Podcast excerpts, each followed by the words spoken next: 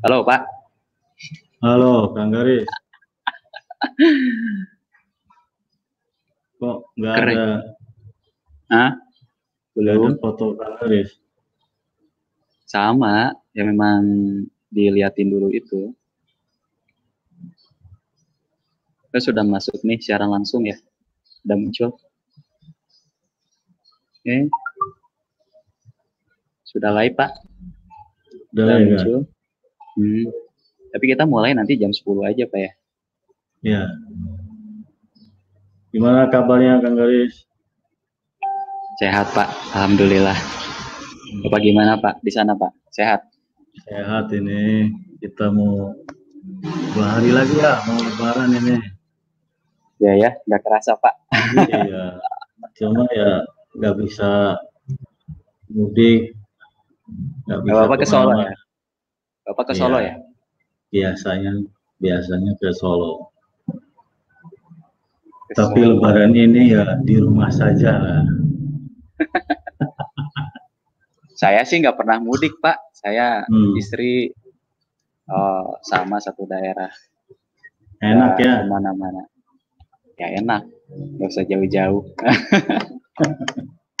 Kemarin hujan gede di sini di saya di Bandung. Sana hujan nggak, Mbak? Kemarin enggak ya. Kemarinnya itu yang hujan sini. Hmm. Hujan puting beliung kemarin di Lampung ya kemarin. Ya, cuma ya gerimis aja. Cuma emang angin gede Kang Garis. Saya dua hari lalu angin di saya gede. Nah besoknya hari kemarin baru ada info di Lampung katanya ada puting beliung. Kita nanti mulai jam 10 aja Kang Garis. Iya jam 10. Saya juga lagi cek Facebooknya baru ada nonton ya dari Sumatera Selatan udah ada yang nonton.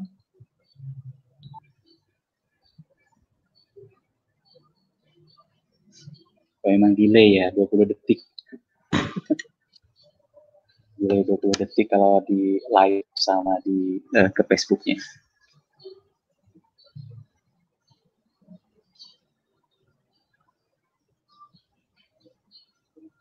Suara saya jelas ya Pak? Jelas? Suara saya gimana? Jelas, jelas. Jelas ya. Hmm, jelas nggak ada inilah. Mudah-mudahan lancar aja koneksi atau apa sekarang. Amin, amin. Bapak pakai wifi di situ ya? Ya, harus Saya juga. lah ini. Ya. Kalau enggak, Bapak, ya sinyalnya jelek kalau dari HP. Bapak di itu light dari rumah ya? Ya, saya kemarin ya saya aktifkan lagi speednya. Wah. Kalau saya light di ini ada kafe, enak tempatnya. Kafenya Imah Kopi, Supaya- Pak. Supaya lancar, enggak putus-putus.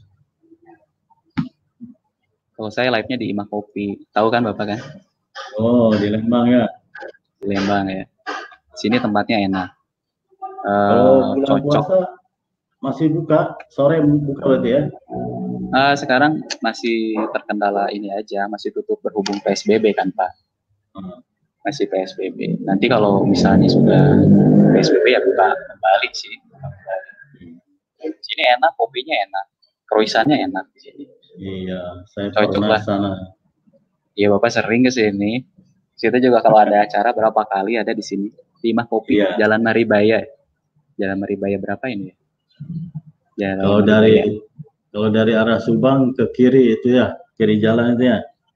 ya arah Subang, eh, dari Subang kiri.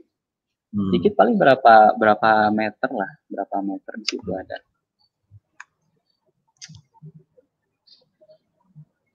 Kita sambil nunggu dulu.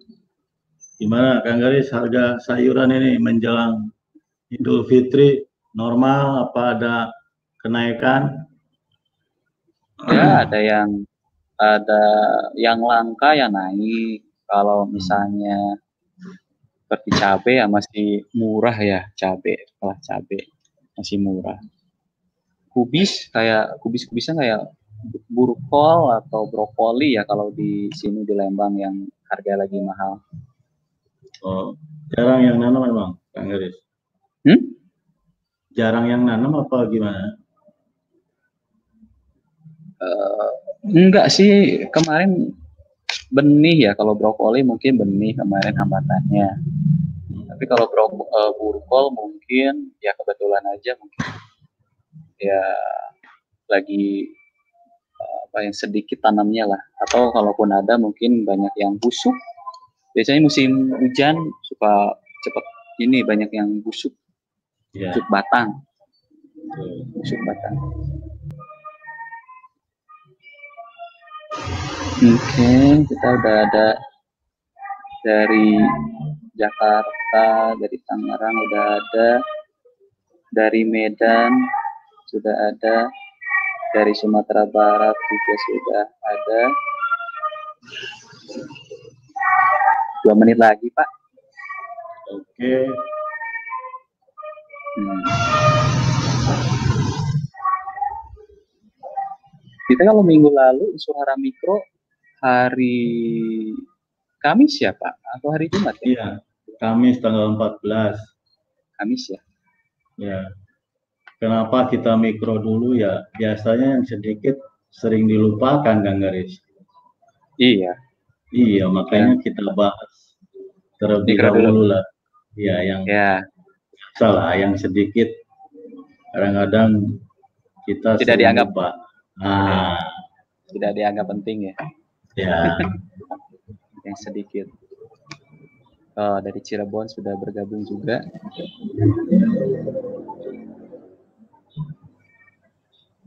Di saya 958 ya kalau di laptop ya. Di Bapak jam Sama kan Riz. Dua menitan lagi ya.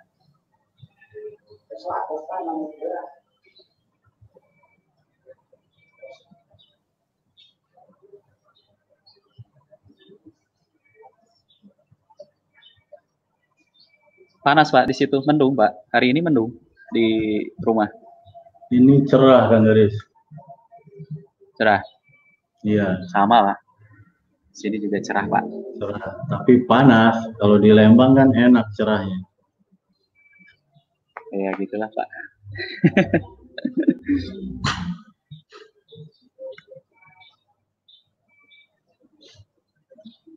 ada yang Cirebon udah ada penonton juga nih.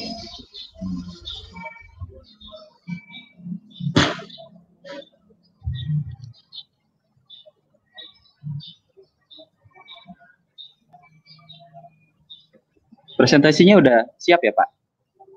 Oke, sudah. Hmm, oke lah. Ya udah jam 10 Pak. Udah teng ya, kita mulai aja. Oke. Silakan. Oke, bismillahirrahmanirrahim. Assalamualaikum warahmatullahi wabarakatuh.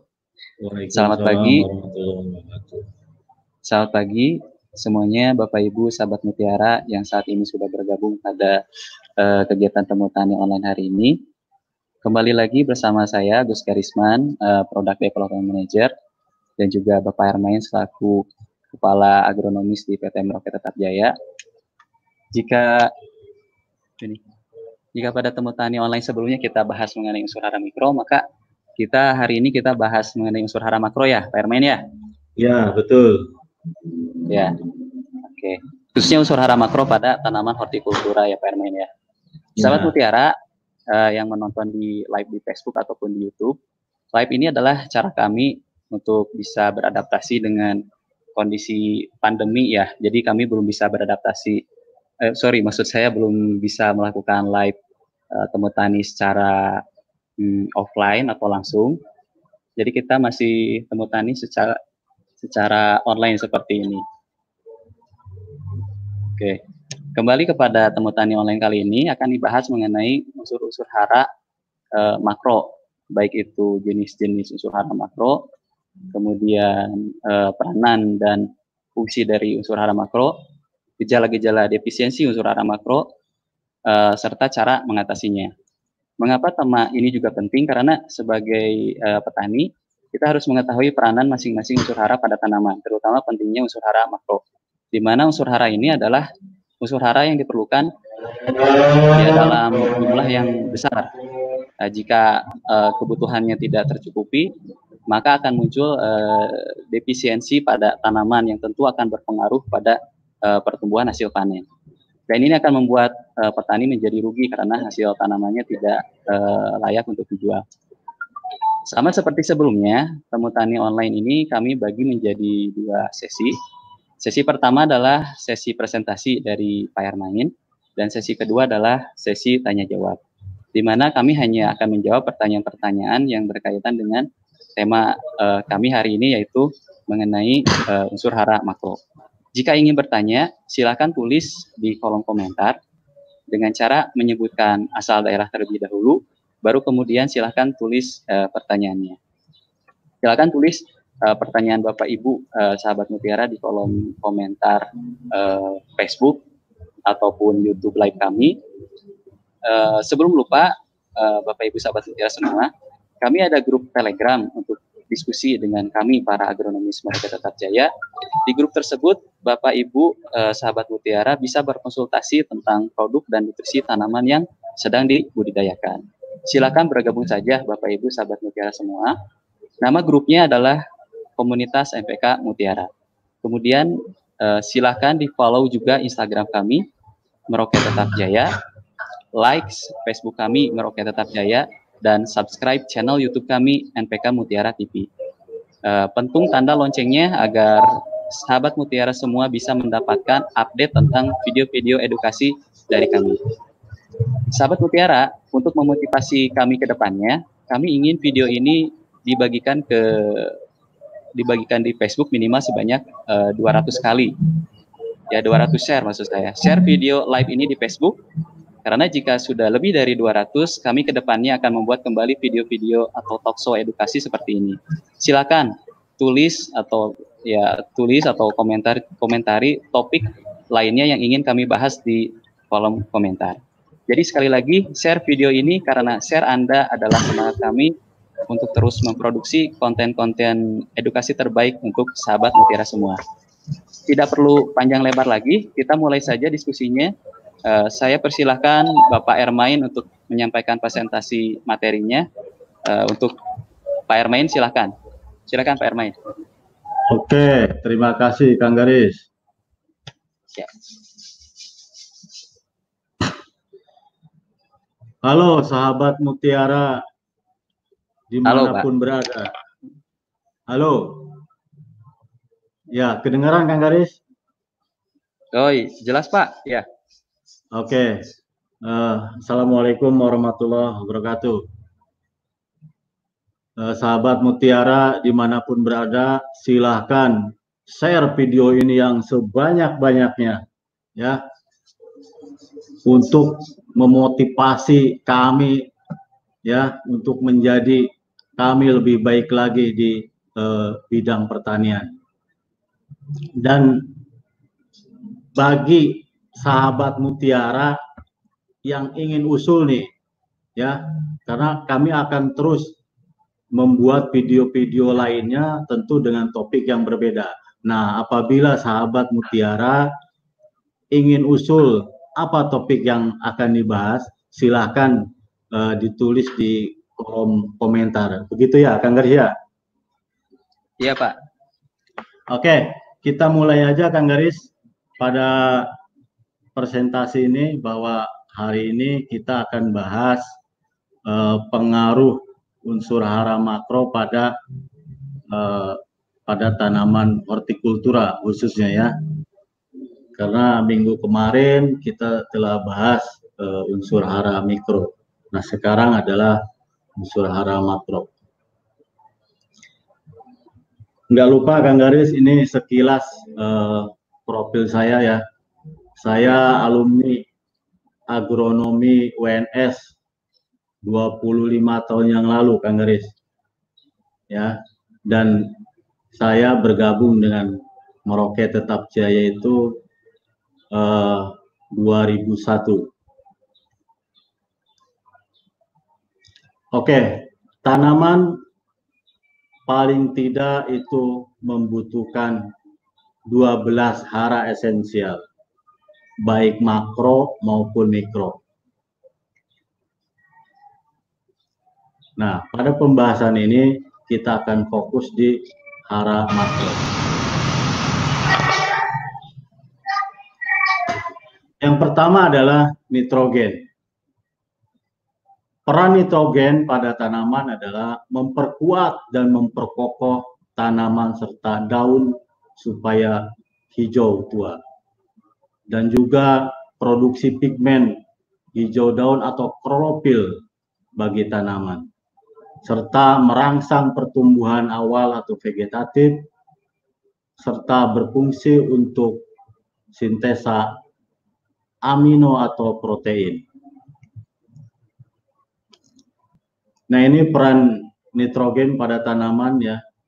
Jadi takaran aplikasi normalnya di tanah itu ya 350 kilo per hektar Nah, ini ada apa bagaimana nitrogen itu bisa sampai ke jaringan tanaman sebagian besar adalah melalui aliran massa ya atau mass flow.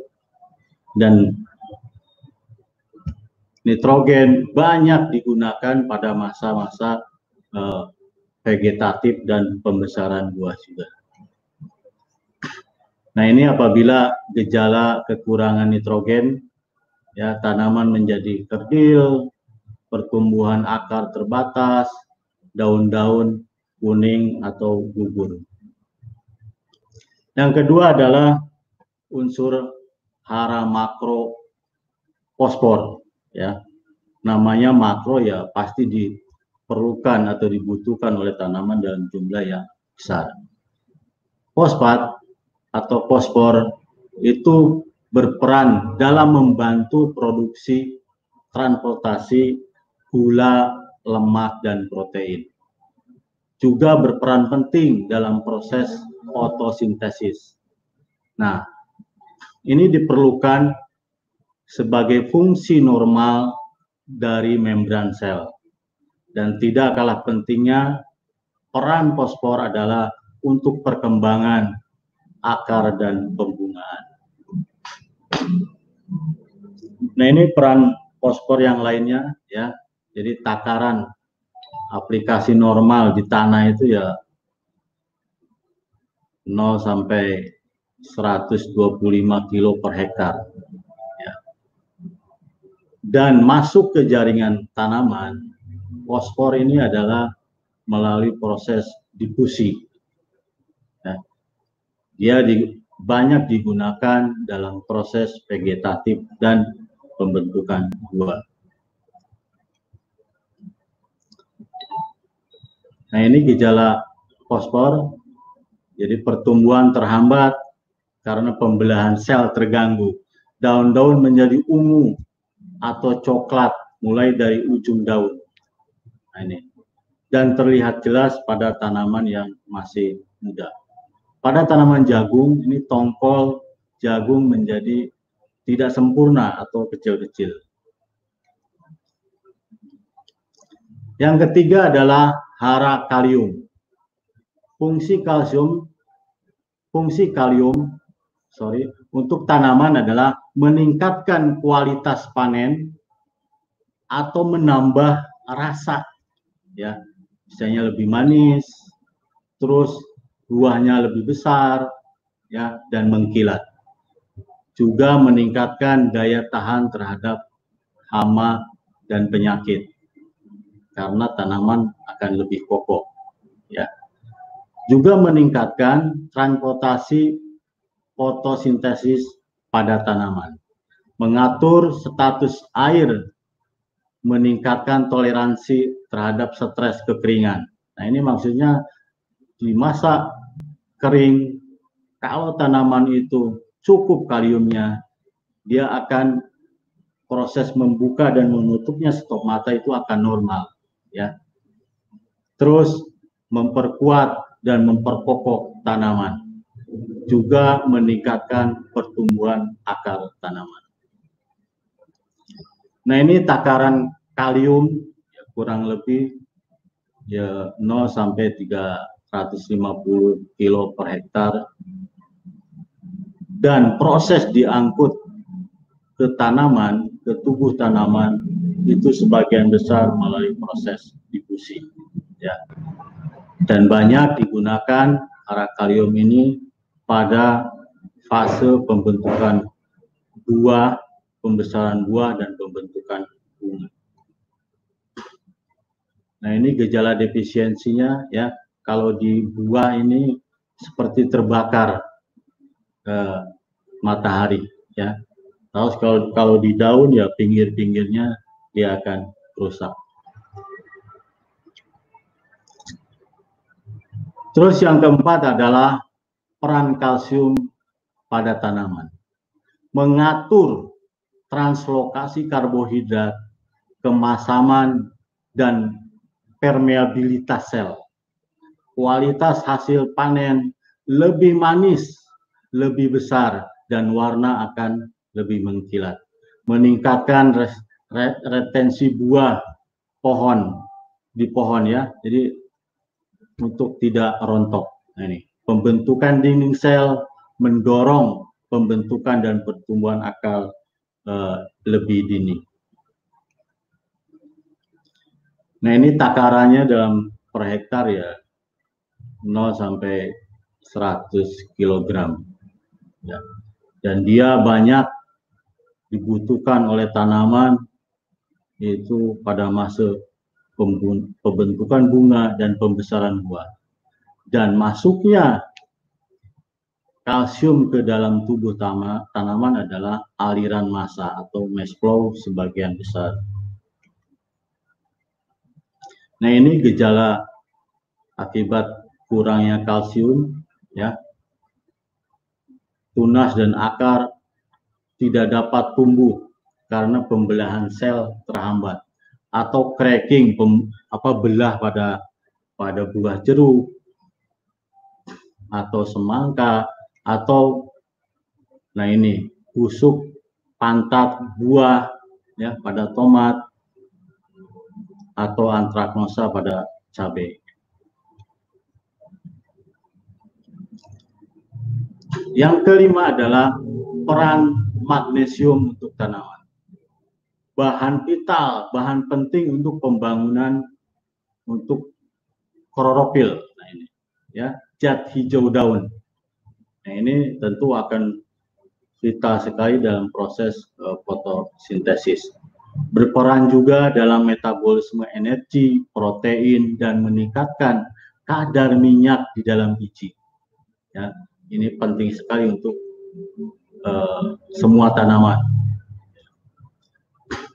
Dan sebagai pompa untuk membantu pergerakan hara lainnya, ya seperti nitrogen, fosfor, dan kalium. Nah ini magnesium yang harus diperhatikan bagi sahabat mutiara ya. Per hektarnya ya 50 kg per hektar dan proses diangkut ke tubuh tanaman sebagian besar melalui difusi dan banyak diperlukan dalam proses vegetatif sampai pembesaran buah. Nah ini contoh gejala kekurangan magnesium ya. Daun, tulang daun masih hijau tapi daging daun itu sudah berwarna uh, kuning.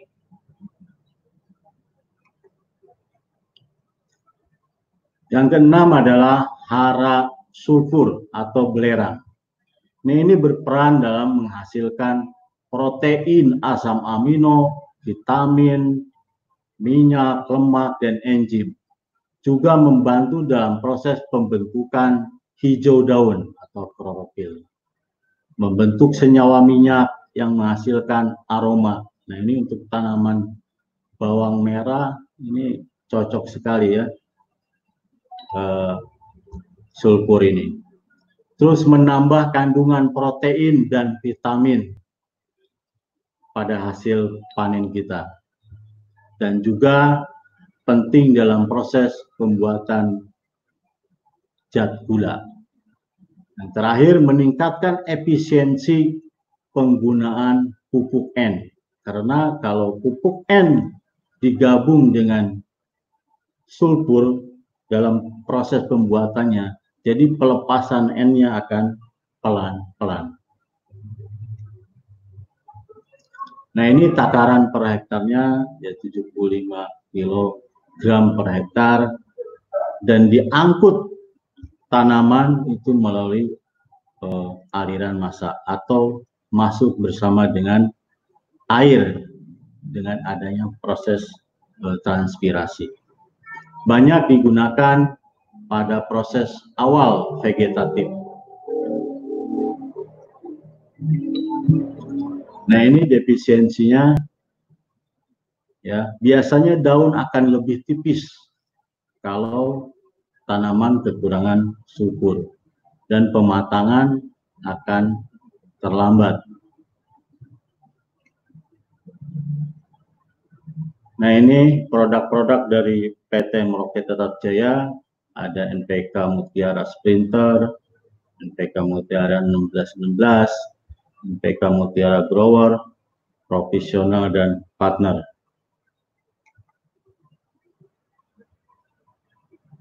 Nah ini Karate Plus Boroni, SS Amopos, Konkali Plus Boron, Subur Kali, terus Moroke CPN. Nah ini pupuk tunggal atau majemuk hanya satu atau dua, ya. SOP, ZA, MOP, TSP, Solumak, eh, Rock Fosfat. Nah, pada pertemuan ini saya akan sedikit bahas, walaupun nanti nggak detail ya, tapi akan sedikit saya sampaikan. Ini contoh program misalnya pemupukan tomat, ya. Di awal sebelum tutup musa kita berikan NPK Mutiara 1616 ditambah dengan SS Amopos atau SS Amopos ditambah dengan konkali atau subur kali. Nah, masing-masing 20 gram per tanaman.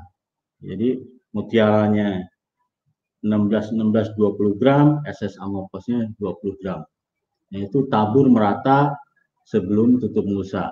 Ya, tutup musa tiga hari empat hari baru lubangin untuk siap tanam. Tentu dengan pengairan yang cukup. Nah, untuk pengecoran susulannya ini minggu pertama sampai minggu keempat. Jadi ini empat kali ya per minggu. Satu minggu, dua minggu, tiga minggu, empat minggu.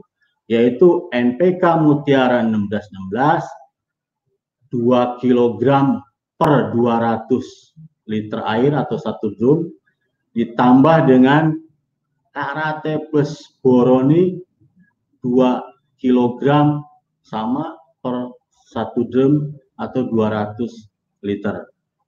Nah, untuk satu pohonnya itu cukup 200 atau 250 cc atau satu gelas.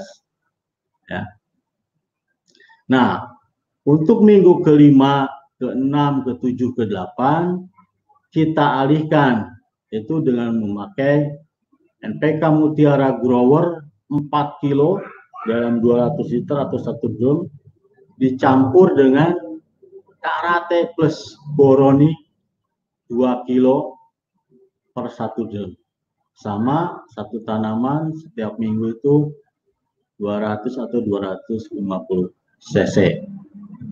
Nah, terus minggu selanjutnya 9 sampai mungkin 12, 18 itu growernya kita naikkan karena ini udah masa fase pembesaran buah yaitu 6 kilo grower dan 2 kilo karate plus boroni dalam satu drum yang isi 200 liter. Nah ini sama setiap tanaman kita kasih 200 atau 250 cc. Nah ini untuk Bitoflex ya mikro ini jangan lupa jadi mulai uh, satu bulan itu silakan aplikasikan dengan semprot 10 hari sampai dua minggu sekali dua setengah gram satu tangki.